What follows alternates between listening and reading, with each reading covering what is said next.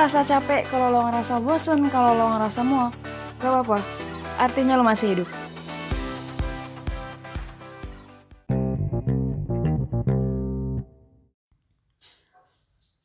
Selamat malam semua. Selamat datang kembali di Masih Hidup Podcast. Kali ini hanya ditemani oleh gue Lulu.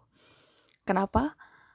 Karena malam ini adalah malam spesial self dialogue bersama gue dan tentunya dia juga akan ada episode spesial sendiri juga ya. Walau gue nggak tahu kapan. Oke. Okay.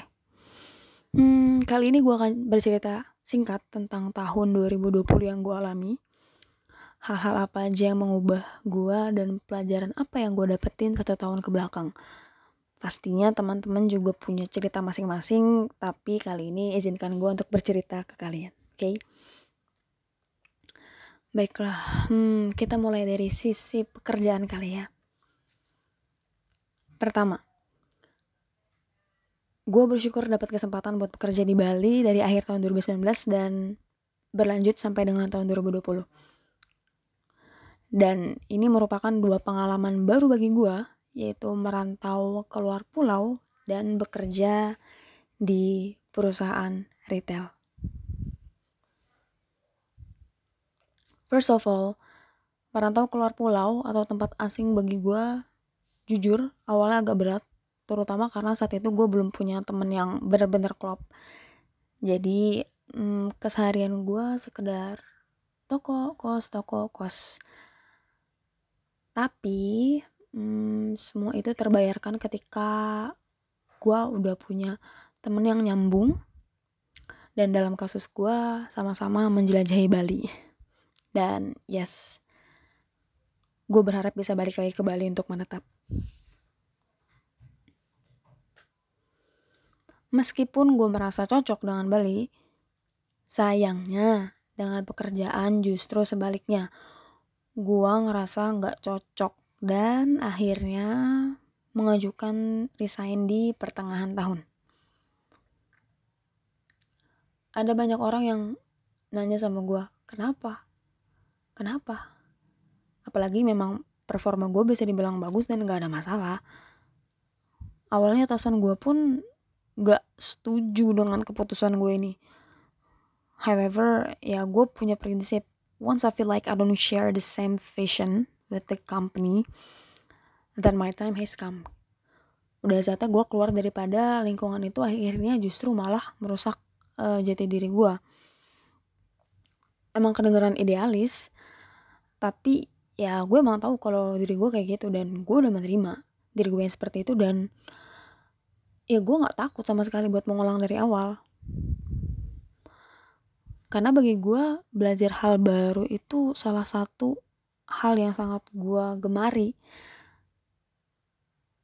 Bahkan gue tuh pernah bilang kalau mungkin selamanya gue akan tetap menjadi seorang beginner karena bagi gue pengalaman dan pelajaran baru yang gue dapat lebih berharga daripada jabatan dan gaji yang tinggi.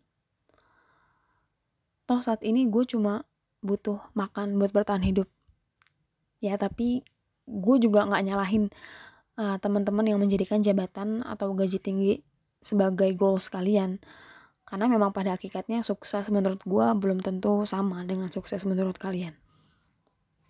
Anyway apa pun itu belajarlah untuk menghormati keputusan orang lain oke okay? pelajaran kedua yang gue dapet di tahun lalu adalah belajar menjalin hubungan secara dewasa. Ya, ini adalah kali kedua gue pacaran setelah 8 tahun menjomblo. Lucu sih, karena memang salah satu resolusi 2020 gue adalah ketemu dengan satu cowok baru dan belajar buat menjalin hubungan. Tapi jujur, gue bisa ngeliat perbedaan besar antara hubungan gue yang sekarang di saat gue udah mengenal self love dibandingkan hubungan gue sebelumnya. Setelah gue mencintai diri gue sendiri rasanya menjalin hubungan itu jadi lebih mudah. Gue jadi nggak bingung mana yang harus gue prioritasin ketika ada masalah gue tahu apa yang harus gue lakukan dan katakan. Ketika gue merasa tidak diapresiasi maka gue akan jujur. Ya intinya jujur dan komunikasi lah ya. Walaupun ketika akhirnya kandas gue akan tetap bersyukur karena ya gue mendapat banyak pelajaran baru dari hubungan tersebut. Gue benar-benar belajar ya menerima pasangan terus gue juga belajar untuk bertoleransi dan lain sebagainya terakhir pelajaran paling penting yang gue dapet di tahun 2020 adalah tentang keikhlasan. Ikhlas melepaskan mereka yang kita cintai.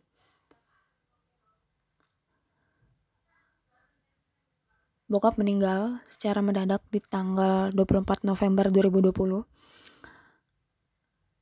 Kira-kira satu bulan setelah gue pulang ke rumah, di hari bokap gue meninggal gue sama sekali nggak nangis. Karena gue tahu itu bukan sesuatu yang bisa gue kendaliin. Satu-satunya yang bisa gue lakuin adalah menerima kenyataan. Dan ketika banyak teman gue yang layat ya gue masih bercanda dan ketawa. Tapi mungkin itu juga salah satu coping mechanism gue kali ya sekarang sih kalau ketika gue ingat almarhum ya nangis. Bukan karena gue gak ikhlas beliau pergi tapi justru gue merasa lega karena sekarang almarhum bokap udah bisa istirahat dari dunianya yang melelahkan. Mungkin teman-teman yang dekat sama gue tahu gimana mm, perjalanan hidup bokap gue yang gak mudah. Kalau ditanya tentang penyesalan ya pasti ada tapi yang bisa gue lakuin kan cuma ya udah memperbaiki diri gue kan. Karena ya gue tidak bisa mengulang waktu. Satu hal yang gue ingat di pagi hari tanggal 24 November itu adalah gue dan bokap sempat menyaksikan pelangi kembar di pagi hari. Dan gue berharap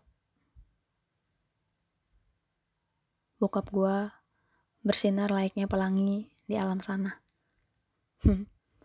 Dulu kangen sama papa.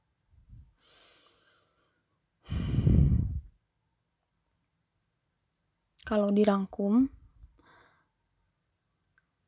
sebenarnya 2020 itu kayak tahun ujian buat gue. Setelah dua tahun sebelumnya di tahun 2018-2019 gue belajar tentang self love, gue belajar menerima kekurangan gue, gue belajar tentang ikhlas. Gue belajar tentang hidup berpijak dan mengandalkan diri sendiri. Ya akhirnya di tahun 2020 gue bener-bener menjalankan hidup gue sesuai apa yang gue pelajari di tahun-tahun sebelumnya.